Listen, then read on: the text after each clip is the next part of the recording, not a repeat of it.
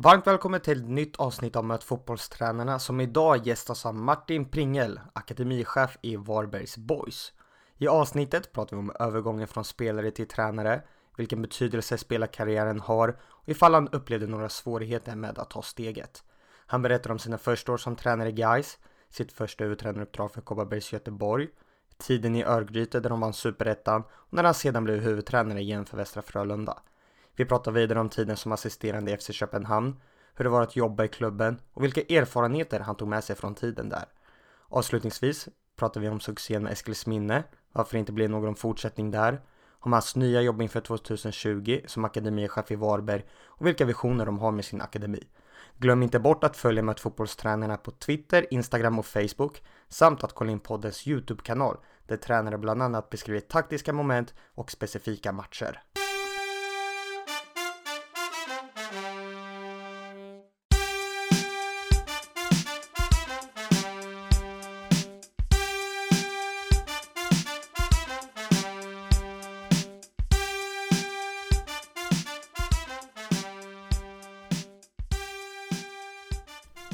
Ålder?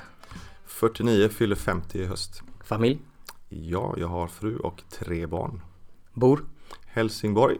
Bästa spelaren du har tränat?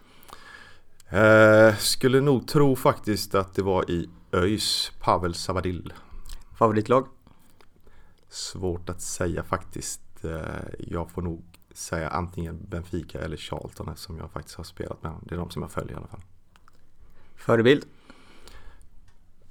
När jag växte upp i början så var det väl Pelé men sen så blev det väl Maradona som många andra i min generation tror jag. Naturgräs eller konstgräs?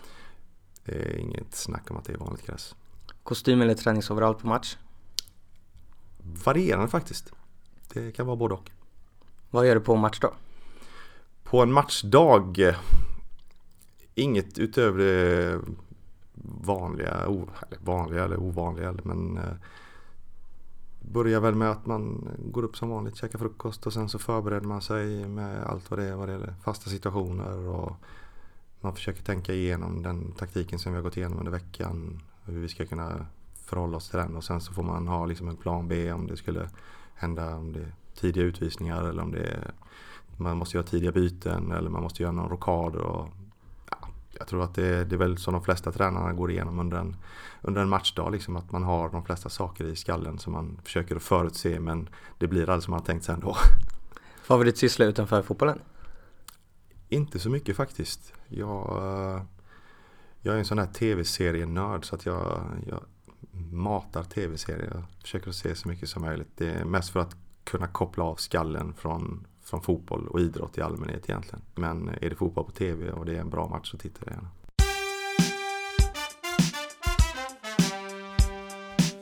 Varmt välkommen till Möt fotbollstränarna Martin Pringle. Tack så hemskt mycket. Hur är läget? Jo då, det känns väl rätt bra faktiskt just nu. Solen skiner ju här men det, det blåser lite grann i Varberg. Det är fredag, hur ser din helg ut? Just nu så har jag precis fått reda på att vi har beställt en ny spishäll så att eh, den måste jag installera när jag kommer hem till Helsingborg. Du bor i Helsingborg men jobbar i Varberg. Hur är det att pendla och så vidare? Ja, i början innan jag hade en övernattningslägenhet så blev det att jag pendlade nästan varje dag. Men efter att jag fått en övernattningslägenhet så nu veckopendlar jag på ett annat sätt. Utan då jobbar jag här under veckan och framförallt nu under de här tiderna så har det inte varit några matcher heller. Och då har upplägget varit att jag har varit här under vardagarna och sen spenderat helgen hemma. Men eh, längre fram sen så kommer det bli lite annat upplägg på det och då kommer jag vara här över helgerna hade jag tänkt för att kunna se lite ungdomsmatcher och A-lagsmatcher och så här. Idag är du akademichef i Varbergs Boys, men du har även en lång spelarkarriär bakom dig. För de som inte har koll, kan du berätta hur den såg ut? Uh, ja, jag, uh, jag började väl som 16-åring eh, i min A-lagskarriär i alla fall i Vallens IF eh, i division 5. Eh, spelade med Stenungsunds IF sen i division 3 som var lokalkonkurrenten egentligen vi gick upp från division 3 till eh, söderettan på, under de tre åren som jag var där i alla fall. Gick vidare till Helsingborg. Spelade i Helsingborg i tre år. Flyttade från eh, Helsingborg, jag blev såld till Benfica i Portugal. Och spenderade tre år där. Sen blev jag såld igen till England, i, till Charlton i London. Och eh, under den perioden så spelade vi Premier League ut tre av de säsongerna i alla fall. Och eh, en säsong i Championship då vi vann Championship faktiskt. Det året och gick tillbaka upp i Premier League igen. Sen så avslutade jag min karriär. Jag hade, fick tyvärr två benbrott precis i slutet. Och tack vare det andra benbrottet så blev jag tvungen till att avsluta min karriär i förtid. Hade du tankar redan under tiden du spelade på att jag ska nog bli tränare och jobba med fotboll när jag lägger av? Nej, ingenting faktiskt. Jag hade nog tänkt från början att eh, när jag slutar min fotbollskarriär så kommer jag nog att eh, sluta med fotboll permanent egentligen. Men med tanke på att jag slutade redan när jag var 32-33 så kände jag väl någonstans att jag hade mer att ge inom fotbollen. Jag hade väl egentligen kunnat, hade jag inte haft benbrotten så hade jag nog kunnat spela i alla fall till jag var 36-37. Och det gjorde väl lite grann att jag kände att jag behövde liksom få ett litet utlopp egentligen för både mina egna funderingar och tankar och vad det gäller fotbollen och sen så intresserade jag mig eh, lite mer för fotbollen när jag väl började som assisterande tränare i Gais. Det blev en eh, liten läroperiod. Den första när jag kom in eh, då låg ju GAIS i division 2 och var ett topplag i eh, division 2. De hade åkt ut tror jag Söderettan året innan jag kom. Och det resulterar i att eh, man vinner det året när jag kommer. Eh, som hjälptränare var jag faktiskt, jag var inte assisterande tränare. Jag var hjälptränare för jag kände någonstans att jag vill, jag vill testa på. Och se om det var någonting som jag kunde, jag kunde tänka mig helt enkelt. Och det blev faktiskt eh, rätt roligt. Så att jag, jag startade i Guys med kanske vara där en gång i veckan och känna, tycka, liksom men det slutade att efter ja, två månader så var jag där varje träningspass. Och det blev starten på det hela egentligen. Och år två sen så kom ju Roland Nilsson in som eh, huvudtränare. Och Hans Gren kom in som assisterande och jag blev erbjuden då att bli assisterande tränare tillsammans med Hans Gren. Hans Gren var ju väldigt eh, erfaren tränare och hade mer organisation och med bättre upplägg och han var ju dessutom en välutbildad och meriterad tränare. Så det hjälpte oss eh, rätt mycket och sen då med Rolands kunskap eh, med allt vad det gällde det andra, liksom både fysik och fotbollstaktik och tillsammans då med Hans så, så blev det en bra kombination tyckte jag. Men eh, efter det sen så kände jag liksom att jag ville testa mina egna vingar och gick vidare därifrån och tog över Kopparberg i Göteborg som eh, låg då i damallsvenskan. När du tog det här steget från att vara spelare till att bli tränare för första gången i Gais och hjälpa till. Mm. Var det några svårigheter tyckte du det? Ja, det var det. Ehm, man tycker ju ganska mycket att eh, jag tror att de flesta spelarna känner nog ganska likadant. Att man har en eh, lång erfarenhet från att spela och man kan eh, spelet och hela den här biten. Och att man har haft kanske många erfarna tränare som man har lärt sig av. Men jag upptäckte ju ganska snabbt att det var inte riktigt så ändå. För det är så många andra saker som du måste börja tänka på som du inte tänker på som spelare. Som spelare så tänker man ju väldigt mycket på sig själv. Och framförallt då Eh, när det kommer till lagspel också. Att du tänker oftast på de, de elva som spelar när man spelar. Men som tränare så behöver du tillgodose kanske 22 spelare. Och det är väl den största skillnaden egentligen. Så steget där var lite svårt men samtidigt också när man är precis i, i början av sin tränarkarriär så har man inte riktigt släppt att vara spelaren. Man tänker fortfarande som en spelare, inte som en tränare. Och det tror jag det tog säkerligen i alla fall en 6-7 år tror jag innan jag släppte tanken på att jag är faktiskt inte fotbollsspelare längre. Men då hade man kommit en bra bit också på vägen som tränare. Man har fått vara med erfarna tränare, lärt sig av dem hur man ska förhålla sig till spelare. Alltså både vad det gäller kanske distansen till att eh, känna spelare, prata med spelare på vilket sätt man ska prata med dem, hur man ska instruera dem och, och ja, det, det, är rätt mycket som man behöver tänka på. Är det någon speciell tränare som du har haft som spelare som har inspirerat dig mycket? Den tränaren som har egentligen inspirerat mig mest eller egentligen den tränaren som jag faktiskt känner själv att jag har lärt mig mest av som spelare var faktiskt Reine Almqvist. Jag hade han i Helsingborg under eh, två och ett halvt år tror jag. Och det var väl egentligen där som jag fick upp ögonen för själva fotbollsspelet egentligen. Innan så hade man spelat lite mer fotboll på inspiration och tyckte liksom att fan jag är rätt bra. Men eh, där fick man en helt annan bild utav det för han, han förklarade på ett sätt som gjorde liksom det blev logiskt för mig och tror jag nog andra kände också. Och framförallt den här logiken i fotboll har jag försökt ta med mig själv sen som, som fotbollsspelare och som fotbollstränare. Har du haft någon kontakt med honom under din tränarkarriär och haft han som stöd eller mentor eller någonting? Nej, det har jag faktiskt inte haft. Jag vet att andra har haft det, eh, men jag har faktiskt inte haft det. Däremot så har jag träffat honom och pratat om honom och sen när man träffas och pratar så självklart så pratar man ju fotboll. Det blir ju oftast huvudämnet när man pratar med honom. Så att, men eh, nej, det har jag faktiskt inte haft. Att du har eh, en viss spelarerfarenhet, tror du det har någon betydelse för dig som tränare? Lite tror jag att det har. Ehm, kanske vissa bitar hur man ska förhålla sig. Eh, framförallt eh, hur man ska kanske förbereda sig och sen tala om vad man själv har gått igenom och framförallt fått uppleva att fotboll är som sagt det är mycket träning. Och fotboll är inte alltid roligt med tanke på att man ska man ska nöta, man ska nöta, man ska nöta och sen när man har nött tillräckligt mycket ska man nöta lite till. För att det ska sitta liksom i ryggmärgen när man väl går ut på en fotbollsplan oavsett om det är taktiska bitar eller om det är eh, tekniska bitar. Som spelare utomlands kan jag tänka mig att du har haft en hel del olika tränartyper. Har du varit med om någonting helt sjukt någon gång i tränarväg? Ja, det, det har jag.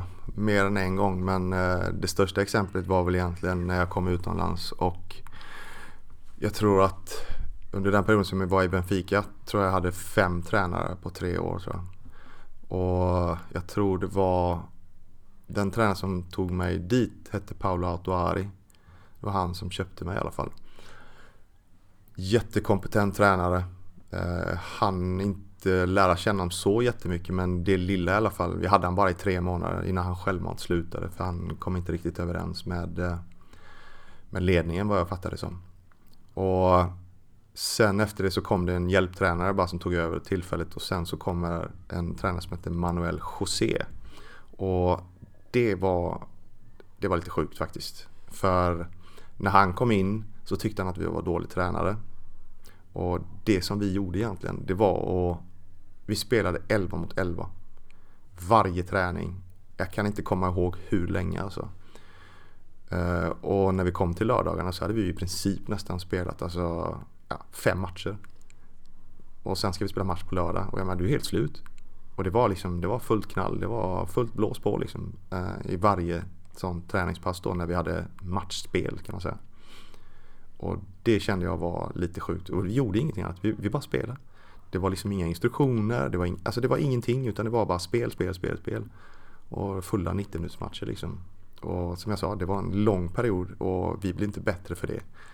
Så det var väl rätt sjukt kan jag tycka i alla fall. Men det var ingen som ifrågasatte tränaren då?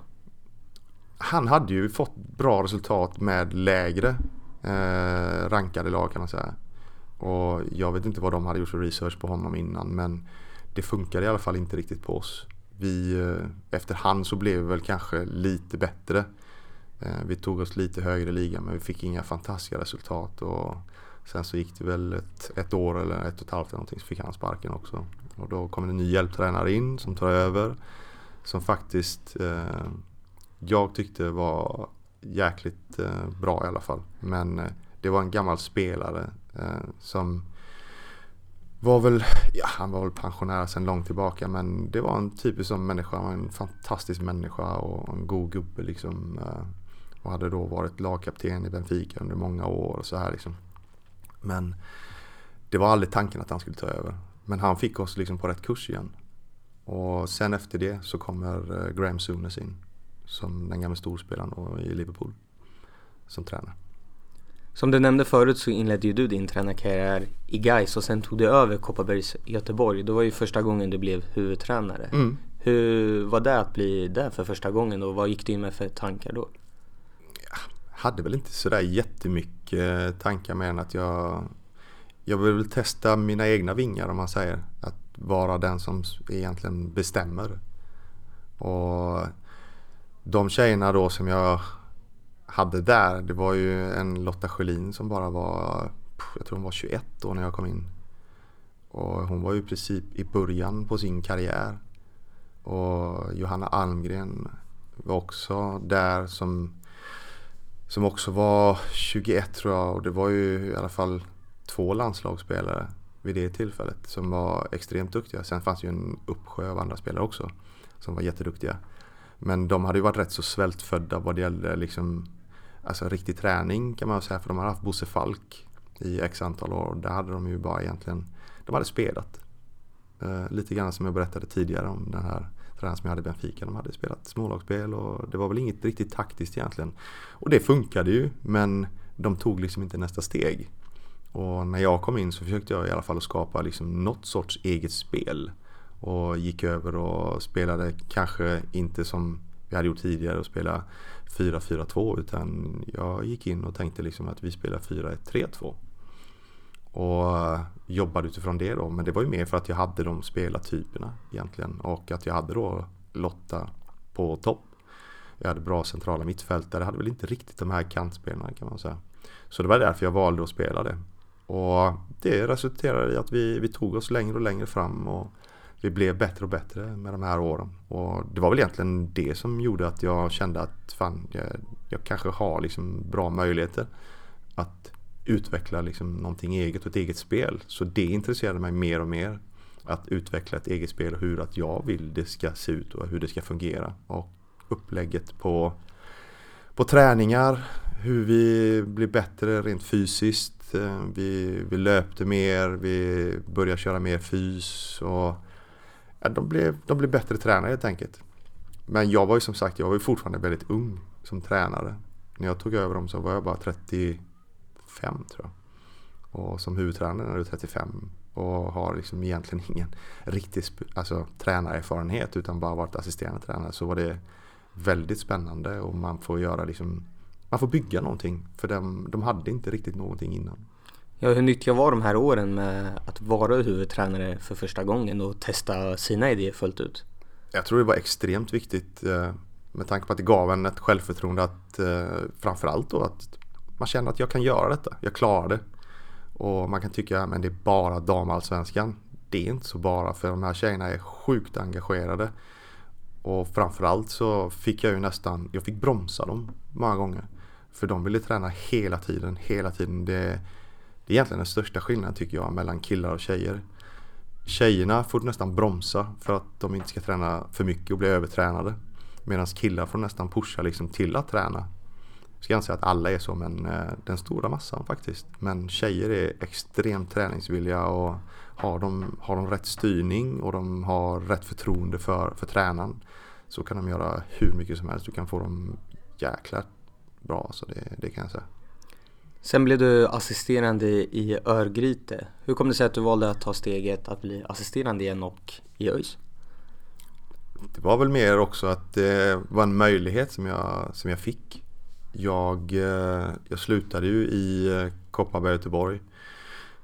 Men eh, det var ju mer att mitt kontrakt gick ut och de valde att eh, gå på en annan tränare. Och det var ju Torbjörn Nilsson som kom in som huvudtränare istället för mig. Ehm, och Vad fan var det? Jag tror det gick ett litet tag i alla fall men det hade varit i alla fall i, i ÖIS lite turbulent under en liten period. Eh, uh, jag, det var, jag tror det var Soran Lukic som hade varit där tidigare. Och Janne Karlsson hade tagit över de sökte en assisterande tränare för Magnus Kjellander tror jag det var som hade varit spelande assisterande tränare. Men de ville ha en, en assisterande tränare som inte spelade kan man säga. Så Magnus Kjellander ingick faktiskt fortfarande i staben fastän jag kom dit som assisterande tränare. Och det var väl egentligen, eh, de behövde, det var fortfarande i Göteborg, jag behövde inte flytta. Och jag hade varit i Gais redan, jag hade varit i Kopparberg. Och nu var jag inne på mitt sjätte eller sjunde år tror jag det var som, som fotbollstränare. Och det finns inte för många jobb utan ibland så får man ta de jobben som, som finns. Och jag har aldrig sett ett problem med att vara assisterande tränare. Framförallt inte när man är i början av en karriär. Där man kan passa på att lära sig och se utav andra tränare. Men tack vare att jag hade varit huvudtränare så hade jag ju lite mer självförtroende när man gick in i en, en klubb igen om man säger. Till skillnad mot kanske första gången jag började som tränare i Gais. Så det var en enorm skillnad att komma in där. Med ett helt annat självförtroende och kunskap också. Ni vann ju superettan och mm. vad gjorde att ni lyckades så pass bra? Jag tror det var många olika saker. Vi hade ju haft en, de hade haft en väldigt bra, eller man har haft ett par bra kullar i alla fall underifrån i, i ÖIS. Och med tanke på den rådande situationen som var just då i ÖIS och det hade varit lite turbulent och ekonomin hade väl inte varit fantastiskt bra. Så man lyfte upp en hel del unga killar så vi hade ett rätt ungt lag. Men det var ju också väldigt, väldigt svårt att se att vi skulle kunna överhuvudtaget vinna Superettan det året. Utan vi satsade väl mer på att vi skulle försöka bli liksom ett, ett etablerat lag. Och framförallt då att vi kunde liksom på sikt bli ett, ett topplag med de unga killarna som vi kanske då hade möjlighet att utveckla. Men det gick lite fortare än vad vi hade räknat med. Samtidigt som att den sommaren så bestämmer Marcus Albeck sig också för att avsluta sin karriär i FC Köpenhamn och vända tillbaka till, till ÖIS. Och det blev ju en extra boost också tror jag för många av killarna. Vi låg väldigt bra till eh, redan när Marcus kom eh, på sommaren där. Men när han kom in så fick vi bara en extra dimension också. Och det blev ju enormt viktigt för oss. Framförallt med den erfarenheten han hade som spelare. Och den kapaciteten som han besatt. Det, det var ju inte några av våra spelare som hade egentligen varit i närheten av vad man säger. Hur minns du tillbaks på matchen när ni i princip säkrade uppflyttning med läktare som gick sönder och mm. uppehåll i matchen? ja, ja, det var det var en rätt så turbulent match egentligen. Vi mötte Väsby. Eh, Micke Stara hade dem då och han hade gjort ett fantastiskt jobb med, med Väsby. Och de spelade dessutom en fotboll som var... Det passade oss inte riktigt. För de, de spelade ut bakifrån liksom gång på gång på gång och de, de, tog, de tar sig igenom, de åt sig igenom oss många gånger. Men vi var i så pass bra slag och vi hade väldigt, väldigt bra spelare. Eh, som var då, de hade tagit klivet under året. Så det gjorde ju också att vi, vi lyckades på något sätt med vårt eget spel också att jämna ut matchen. Men jag tror att vi tar ledningen med både 1 och 2-0 och sen då händer det här eh, läktarraset då. Som gör att det blir ett avbrott i matchen och de vill väl att matchen ska brytas och upptas en annan, eh, vid ett annat tillfälle då. Men det var ju som sagt det var sista omgången i, eh, i Superettan och jag tror inte domaren var så intresserad av att komma tillbaka igen och, och döma match. Så det gjorde ju att eh, matchen upptog ju sen igen och vi säkrade vårt avancemang. Så att det, ja, det var riktigt kul. Sen blev du huvudtränare igen i Västra Frölunda. Vilken nivå var det? De låg i division 1 då. Och det är väl också en historia i sig för när jag kom in eh, efter det året, för vi åkte ur Allsvenskan året efter, efter vi hade vunnit. Och eh, kände väl att jag behövde väl en, en nytändning igen. Och kanske ville pröva på att ha eget ansvar. Och då eh, hörde Frölunda av sig. Och det tyckte jag kände liksom, det, där och då att det, det kändes väldigt rätt för mig. Jag var fortfarande kvar i Göteborg dessutom. Och kunde bygga på min egen tränarerfarenhet. Och nu hade jag ju ändå gjort det under x antal år. Och det var ju lite jobbigt egentligen kan man säga för att när jag kom in och pratade med dem så kände jag att liksom, fan, det här kommer bli riktigt, riktigt bra. De hade åkt ur Superettan något år tidigare och så här, de flesta spelarna var kvar. Men de hade inte de ambitionerna som jag hade. Och det var väl den jobbiga delen egentligen. För det var det som jag hade fått ifrån ledningen egentligen. Att eh, det här är ambitiösa killar och de vill mycket och de vill upp igen. Det blev inte riktigt så kan man säga. Utan jag körde på min linje och här är det ju också det. Man lär sig hela tiden med åren. Och jag var väl väldigt tjurskallig kan man säga. Och ville mer än några av de här äldre spelarna kan man säga. Så det skar sig lite grann mellan oss. Och vi åkte ur faktiskt. Men eh, ledningen trodde ändå på det som jag höll på med så att jag fick fortsatt förtroende även i division 2 sen. Och vi gjorde det ganska bra. Många av de äldre spelarna försvann. Vi hade mycket unga spelare igen. Så det var väl egentligen att vi skulle etablera oss i, i division 2. De hade samma sak. Man hade också ett par kullar där som var riktigt, riktigt bra som kom underifrån. Och lyfte upp lite unga spelare. Började spela i division 2. Och det, det kändes rätt så, rätt så bra. Vi, vi tog steg för steg. Men sen så kom det en förfrågan från ett annat lag. Så, och då var jag tvungen till att säga jag kan inte säga nej. Och det laget var ju FC Köpenhamn. Ja. 2011 blev du assisterande där. Mm. Hur dök den möjligheten upp? Jag har haft eh, ganska mycket kontakt med Roland Nilsson genom åren med tanke på att vi spelade redan tillsammans i Helsingborg och vi var tränare ihop redan i, eh, i Gais. Och ja, sen har man hållit kontakten och med, med, med åren och sen så när efter Gais-tiden så var ju han i Malmö. Och ja, vi, vi har pratat med jämna mellanrum och sen när den här chansen dök upp så frågade han mig och jag tackade ja med en gång. Det var liksom inga tveksamheter från min del. Det är en av Skandinaviens absolut största klubbar så att det, det går inte att säga nej när du får en sån möjlighet. Hur var det liksom att ta steget från att ena dagen vara tränare i division 2 till att helt plötsligt vara i FCK? Ja, det är lite absurt. Det, det får man ändå säga för att när du går från det till det, det ena, det, det, blir en extrem vändning alltså. Helt plötsligt så har du nästan alla resurser i världen och innan så har du i princip varit själv på en träning och ska bedriva den och du har knappt koner och bollar och, och, och västa va. Om jag får hårdra det. Men eh, så kommer man dit och där finns, eh, det finns fystränare och det finns gym och det finns eh, allt du kan, allt du behöver egentligen. Och det var ju en fantastisk möjlighet. Hur var det att jobba med Roland Nilsson där? Ja, vi hade jobbat ihop tidigare. Och Rolly hade ju utvecklat sig ännu mer genom åren i Malmö. Han har vunnit SM-guld och alla de här bitarna. Så eh, jag tror att vi klarade det rätt så bra tillsammans.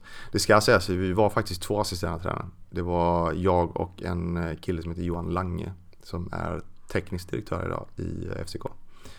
Och det var ju också lite för att han var ju Danskarna är väldigt starka Eh, i det som de tror på och det som de gör. Så man får, eh, man får snäppa upp sig lite grann när man, eh, när man jobbar med danska. Och man måste vara väldigt tydlig och du behöver vara extremt arbetsvillig. Och framförallt i FCK där de förväntar sig att du ska arbeta egentligen nästan mer än vad, du, vad du, det står på pappret att du ska göra. Och du ska lägga ner mycket, mycket extra tid. Så det, det är ingen dans på rosor att vara i FC Köpenhamn. För det är höga krav. Och det ska vara höga krav och de ställer både höga krav på sina spelare och ledare och ledning. Och det funkar åt alla håll. Både uppifrån ner och nerifrån upp. Och det är därför jag tror att eh, FCK är där de är. De är extremt drivna och vill hela tiden framåt, framåt, framåt. Men de är inte heller rädda för att de skulle stagnera lite grann. Utan de räknar med det för att kunna kicka iväg igen och ta nästa steg sen.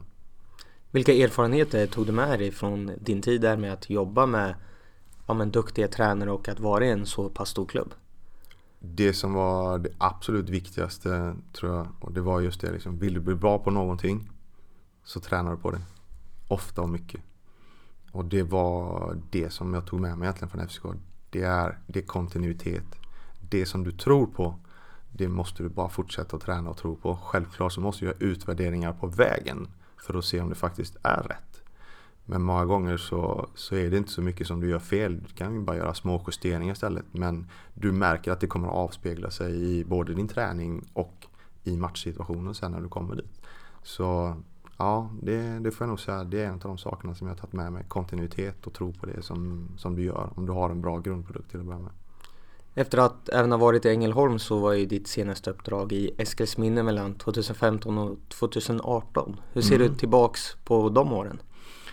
Fantastiska år. Eskilsminne är ju faktiskt en, en av Skånes största ungdomsföreningar. Och de är ju en klubb som har eh, väldigt bra resurser med tanke på att de, de har en av Sveriges största kupper också, Eskilskuppen. Vilket innebär att jag blev, eh, jag blev halvtidsanställd och eh, även anställd på skolan som var precis bredvid. Så jag fick en heltidstjänst kan man säga. Och då jobbade jag som fotbollsprofillärare eh, på Elinebergsskolan som ligger precis bredvid. och då fotbollstränare även på, på kvällarna då. Och det var ju en möjlighet som jag kände var fantastiskt bra. Där man får jobba med fotboll på, på en lägre nivå men då fortfarande en heltidstjänst.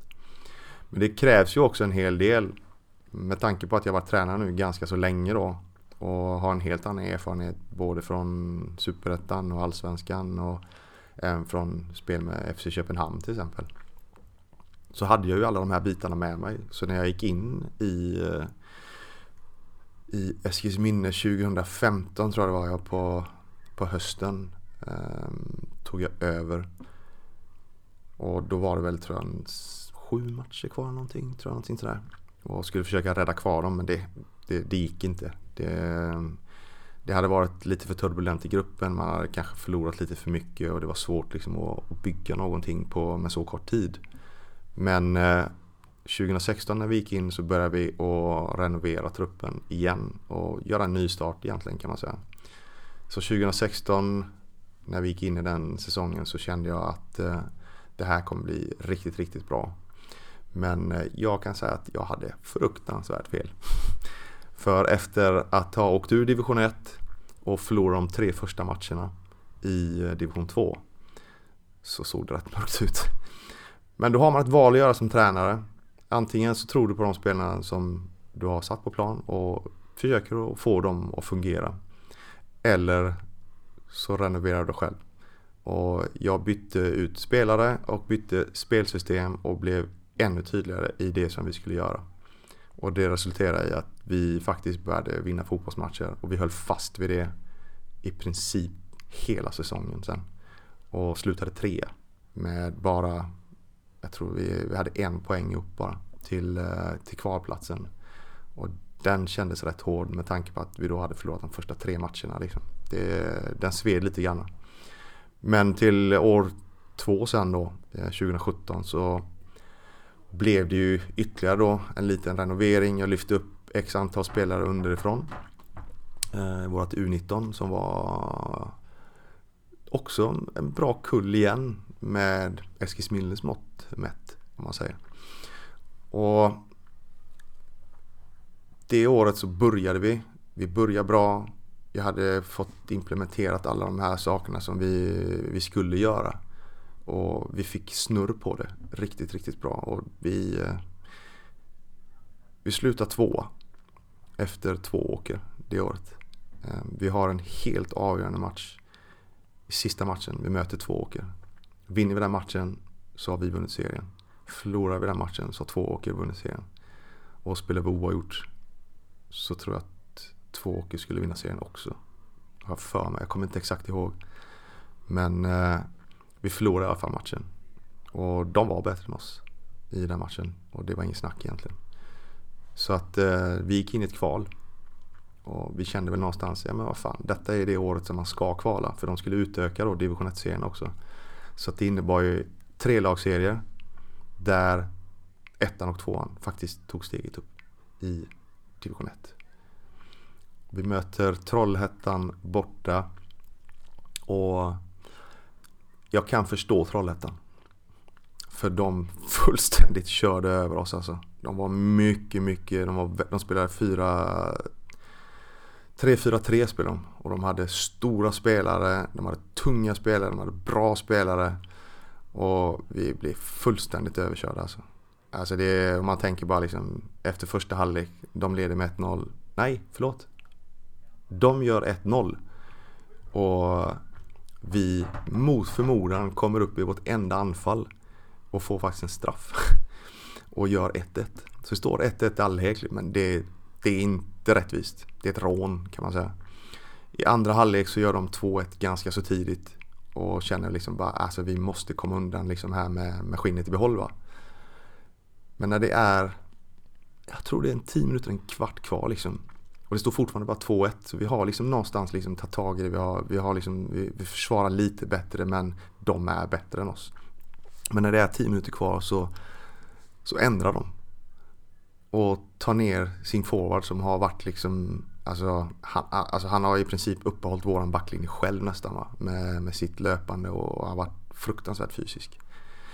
Flyttar ner honom och sätter han utanför Alltså framför deras backlinje för att börja skydda liksom ledningen. Och det är nog första gången som vi börjar liksom etablera spel på motståndarnas planhalva egentligen. Och vi börjar liksom sakta men säkert få in lite inlägg och skapa lite hörnor. Och, och det slutar med att vi får en hörna där vi trycker in 2-2. Och åker därifrån liksom med 2-2. Liksom fullständigt oförtjänt egentligen. Men ett grymt bra resultat för oss. Vi vinner dessutom straffläggningen. Vilket innebär nu att vi har vunnit den matchen. Så att Trollhättan nu ska möta Lund. Och där känner ju vi liksom att Trollhättan kommer ju köra över Lund. Då. För vi var ju bättre än Lund. Men de då förlorade matchen med 2-1 tror jag. Och det innebär ju att vi ska möta Lund i en avgörande match. Där de redan är klara. Och problemet som vi fick i den matchen var ju liksom att ja, vi behöver ju egentligen bara en poäng. Det är allt vi behöver. Så är vi liksom klara för division 1. Och våran mentala inställning var nog inte helt rätt när vi gick in i första halvlek. För vi, vi är fullständigt utspelade alltså. Och vi ligger under med, jag tror vi ligger under med 2-0 faktiskt. Men vi, vi hämtar upp det och det blir 2-2.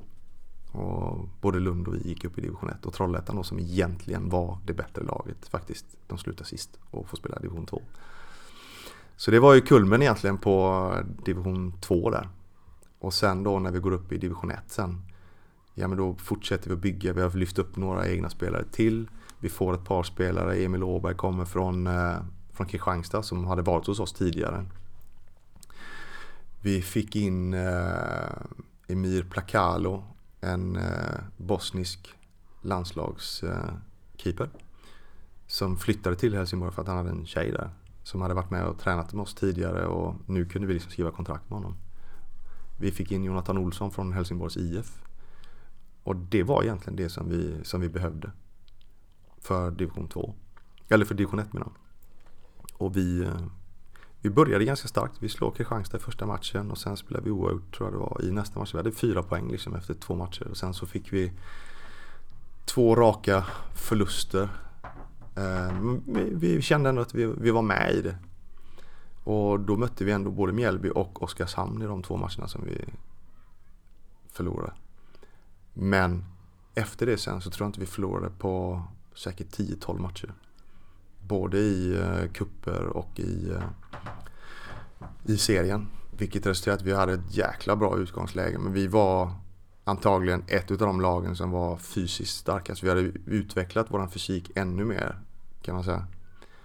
Både löpning och även själva liksom styrkebiten. Och samtidigt att vi blir bättre liksom både taktiskt och var mer organiserade. De, alla visste vad de skulle göra i, i alla matcher som vi gick in. Och det slutar ju med liksom att när vi då ska möta Helsingborgs IF i Svenska Kuppen det året. Och de ställer upp med ett, jag ska inte säga att det var B-betonat för jag märker som alla de spelarna har spelat i Allsvenskan. Och tar du Marcus Holgersson så har han varit både proffs och spelat. Du tar Fredrik Livestam som också har varit med ganska så länge. Du hade Bojanic eh, som spelade. Eh, fasken hade du mer? Jag kommer inte ihåg exakt i alla fall. Men de hade på pappret ett starkt lag. Men de hade inte så mycket spelminuter i alla fall det året. Men vi vinner den matchen med 1-0 och går vidare sen också till eh, kuppspel. Och så slutar vi det året sen som fyra. Och det var, det är en fantastisk säsong. Det är den bästa säsongen som Eskilsminne har gjort i, eh, i deras historia. Än så länge i alla fall. Och jag är jäkligt nöjd med att ha varit delaktig i det.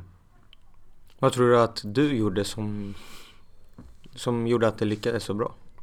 Men jag tror det var som jag sa förut. Dels då det som jag hade lärt mig i FC Köpenhamn. Träna på det som du vill att du ska bli bra på. Och jag hade ju som sagt redan när jag var i Kopparberg börjat fundera på just de här små detaljerna. Liksom, vad det gäller liksom eget spel, hur ska vi försvara oss när vi har de här formationerna. Vi hade också två olika spelsystem egentligen som vi kunde liksom slå emellan då. Och det var, vi hade vår grunduppställning var 4-4-2 med kanske en neddroppande forward så att vi spelade 4-4-1-1 beroende på vem vi mötte.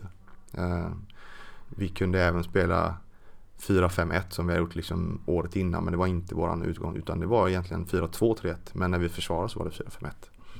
Och det var i vissa matcher vi kunde göra det. Men vi kunde slå om mellan dem och alla visste vad de skulle göra för någonting mellan de olika spelsystemen. Så att ibland kunde vi ändra spelsystem under matchen till, till exempel.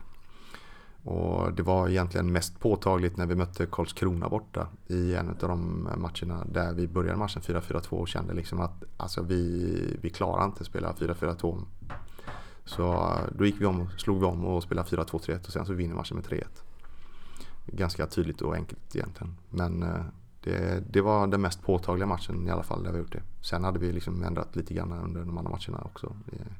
Men det var den mest påtagliga matchen där man såg liksom vilken skillnad det blev. När vi genom att bara byta positioner på kanske två spelare och spelsystem. Vilka saker kunde göra att du valde att förändra spelsystem? Det beror lite grann på hur motståndarna attackerar matchen.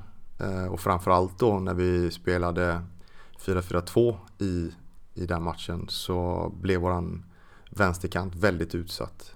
Eh, på, på det spelsättet som då Karlskrona hade. Och därför valde jag att slå om. Och när vi väl gjorde om den omställningen då så helt plötsligt så stängde vi den kanten. De kom inte fram längre och vi bara ta över spelet och vi kunde nästan i princip motverka det genom att vi kunde nu attackera på deras kant istället då. Och vi kom igenom flera gånger och ja, vi, vi skapade helt andra situationer än vad vi hade kunnat lyckas göra med tidigare då. Samtidigt som att vi fick en eh, en spelare i en position offensivt som var neddroppande som funkade jäkligt bra i den positionen. Vilket också gjorde liksom att deras uppspelsfas försvann lite grann när vi, eh, vår offensiva spets om man kan säga så, var, var med på ett helt annat sätt. Men eh, det var ju också för att jag ändrade positioner på spelare så de hade andra egenskaper. Så den spelaren som tog det klivet upp var en, var en helt annan pressspelare egentligen. Och det gjorde ju också att den spelaren som hade gjort det jobbet innan då han kunde nu vinna boll på ett annat sätt fast han var på en kant. Så, och då kunde vi attackera därifrån istället när vi, när vi väl vann bollen. Vad gjorde att det inte blev någon fortsättning i Eskilsminne efter den här succén? Det var väl egentligen eh, ett gemensamt beslut. Jag hade varit där i tre och ett halvt år och det, det var den bästa säsongen i Eskilsminnes historia. Och kände väl någonstans att ja, ska man göra det någon gång så, så är det väl nu. Men vi hade också en överenskommelse i kontraktet att båda parter hade en rätt att bryta kontraktet. För när jag skrev nytt kontrakt, det gjorde jag faktiskt innan vi ens tog steget upp i division 1. Eh, och skrev nytt kontrakt för jag kände att jag trivs jäkla bra. Och, men då skrev vi in det. Eh, för både sportchefen och Kalle som, som var i Eskilsminne då och jag tyckte väl liksom att, äh, fan alltså om ett år så har jag varit i tre och ett halvt år liksom och det är ändå liksom det är ganska lång tid ändå som tränare. Och man hinner ju sätta sin prägel på och samtidigt som att när vi skrev kontrakt så visste vi inte hur det skulle gå i division 1. Men vi var ganska överens när vi väl avslutade liksom att nej, men det, det blir bra för båda parter. Liksom. Vi har gjort en fantastiskt bra säsong. Jag har möjlighet kanske att gå vidare samtidigt som att de har någonting att bygga vidare på. Det tog ju ett tag innan du landade jobbet som akademichef här i Varberg. Trodde du mm. att du skulle gå fortare än vad det gjorde med tanke på att det hade gått så pass bra med Eskilsminne? Det har man väl alltid en, en hopp, förhoppning om. Att man ska kunna liksom komma rätt in i nästa jobb. Men det blev inte riktigt så. Tyvärr. Men det är lite med timing där ibland också.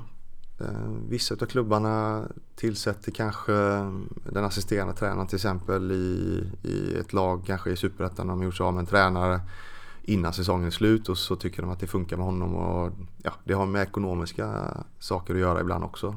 En tränare som kanske ligger kvar på kontrakt och det blir billigare att ha en assisterande tränare till exempel än att plocka in en tränare till och betala två tränarlöner och en som du inte kan utnyttja egentligen. Så jag tror att det, det är många av de sakerna som gör också att man inte får sitt nästa jobb. Och det var tyvärr så. Det, det var för många Det fanns inte för många jobb kan jag säga. Just vid det tillfället. Och det blev ju egentligen mitt fall. För att jag inte fick ett nytt jobb. När dök eh, Varberg upp i bilden? Det dök väl upp eh, hösten 2019. Där eh, de hörde av sig och frågade om det skulle vara intressant. Och då kan jag säga, hade jag inga planer på det överhuvudtaget. Att jag skulle vara vår akademichef, sportchef liksom. Men eh, när jag väl sen liksom hade funderat och landat i det så kände jag liksom att Jag hade pratat med x antal klubbar, det hade inte blivit någonting. Och när detta då dök upp så kände jag liksom att fan det här är en chans som man inte kan missa. För nästa del i min egen utveckling egentligen, nu har jag ju lärt mig tränaryrket och det, den kan jag alltid komma tillbaka till. Kanske inte på samma nivå eh, med en gång, men att lära sig nästa del i att jobba i en förening. Det innebär ju att jag kommer att ha större möjligheter att få, få jobb sen. I och med att man har kanske då jobbat dels då med akademiutveckling och även som sportchef. Så du breddar det helt enkelt. Och har möjlighet att ta, ta andra jobb. Och, eller söka andra jobb i alla fall. Men ändå jobbigt på något sätt att inte att lämna planen lite att vara just tränare med tanke på att du ändå fått ett uppsving och gjort det så pass bra senaste tiden? Ja, det tog väl lite grann på en när man inte när, när det inte var liksom så mycket folk som hörde av sig och de som hörde av sig det var det var inte det som man hade hoppats på men det, det blir lite man går i sina egna funderingar och tankar och sen så går tiden också och tyvärr så är det så när man har hållit på med det så länge så när man väl börjar i komma till januari, februari och du märker liksom att hjärnan går på högvarv fortfarande liksom vad det gäller liksom träningsupplägg och, och, och matchspel och så här liksom och, och du vet det, det tar ett tag innan, innan den slår av men när jag kom någonstans mot april-maj så hade jag faktiskt släppt det och kände att eh, nej men det, det är lugnt nu. Jag behöver liksom inte fundera på fotboll på samma sätt. Utan då tog jag tag i mig själv egentligen och kände okej okay, men jag, fan, jag ska ta det här året till att kolla på fotboll mer. Så jag tittade väldigt mycket Superettan, Allsvenskan, Division 1 eh, och lite Division 2 matcher också. Så jag åkte egentligen bara runt och tittade fotbollsmatcher. Och det var väl också lite grann varför det började liksom ryktesspridningen började liksom för helt plötsligt dyka upp på, på fotbollsmatcher.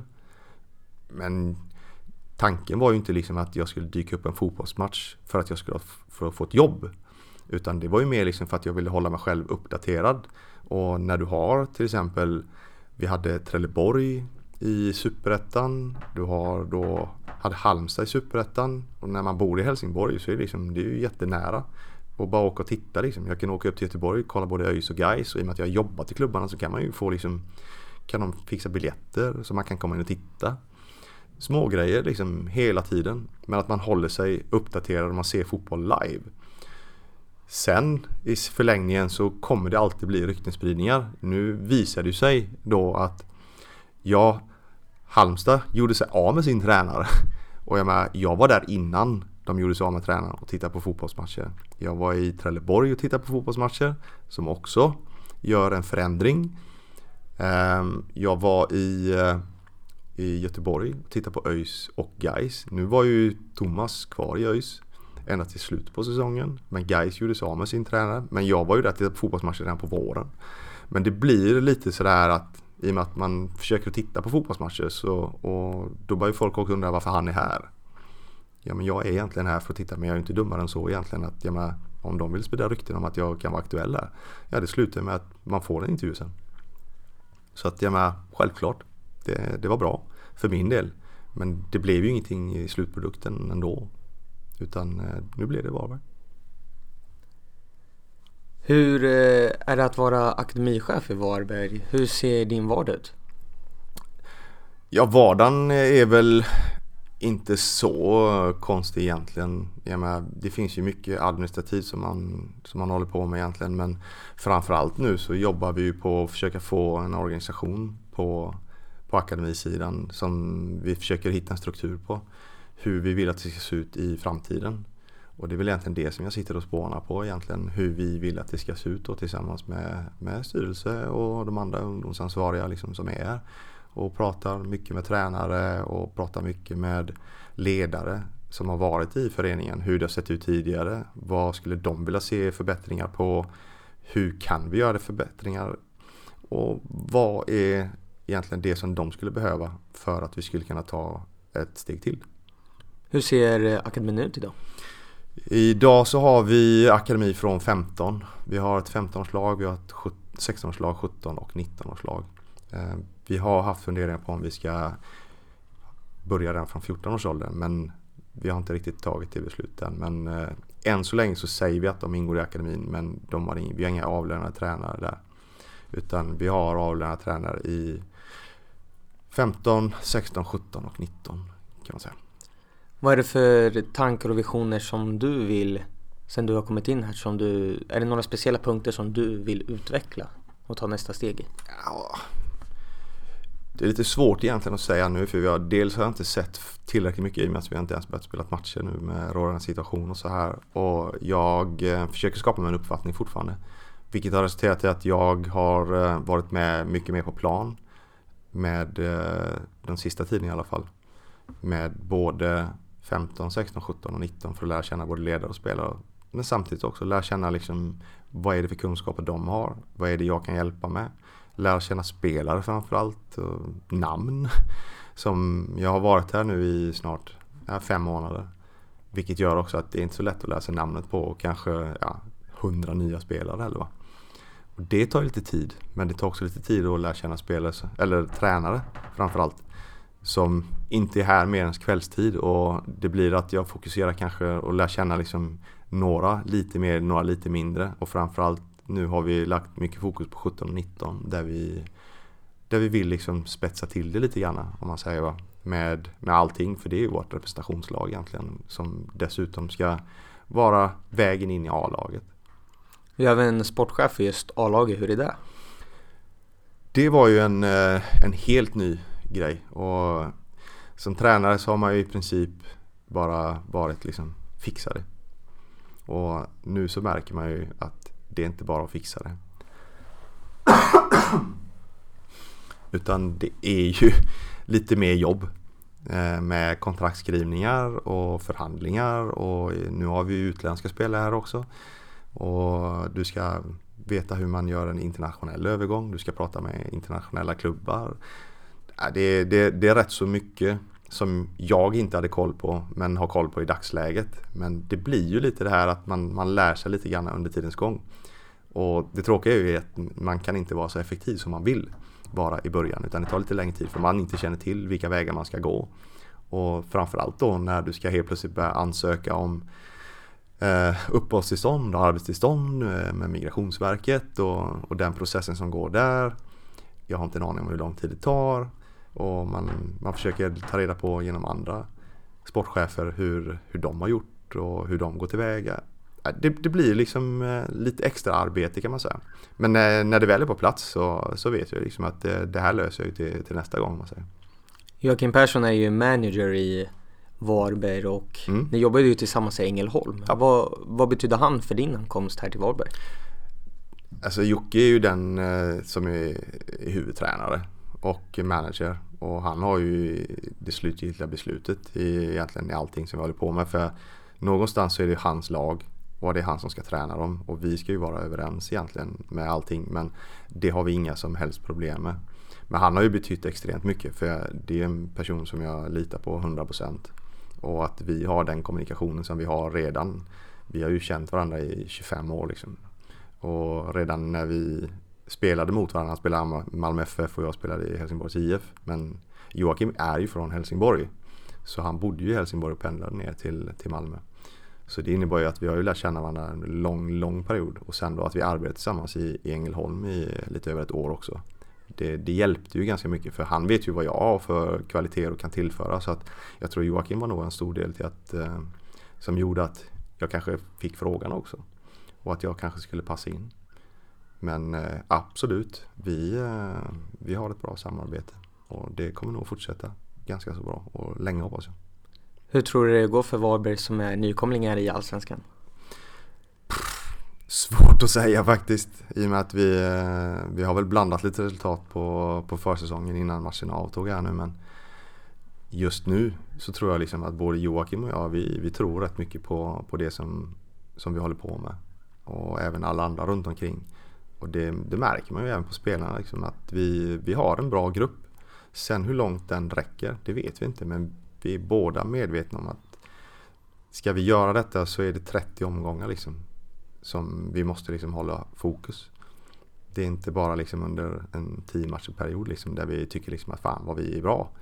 Utan det är 30 matcher vi kommer stöta på liksom väldigt tuff motstånd. Men som sagt, vi ska inte lägga oss ner och dö för det. Vi ska, vi ska göra det till en match i alla matcher. Och att vi ska vara svårslagna. Vilken tränare skulle du vilja lyssna på i podden? Jag skulle gärna vilja höra Reine Almqvist faktiskt. Det tror jag hade varit eh, extremt spännande. För han har en fantastiskt lång karriär som tränare och, och ledare och även med svenska landslaget som, som scout och instruktör. Och det hade varit, eh, tror jag, jäkligt kul. För han har, han har väldigt mycket historier också som man kan eh, bistå med kan jag tänka mig. Stort tack Martin att du tog dig tid att gästa podden. Tack så hemskt mycket själv.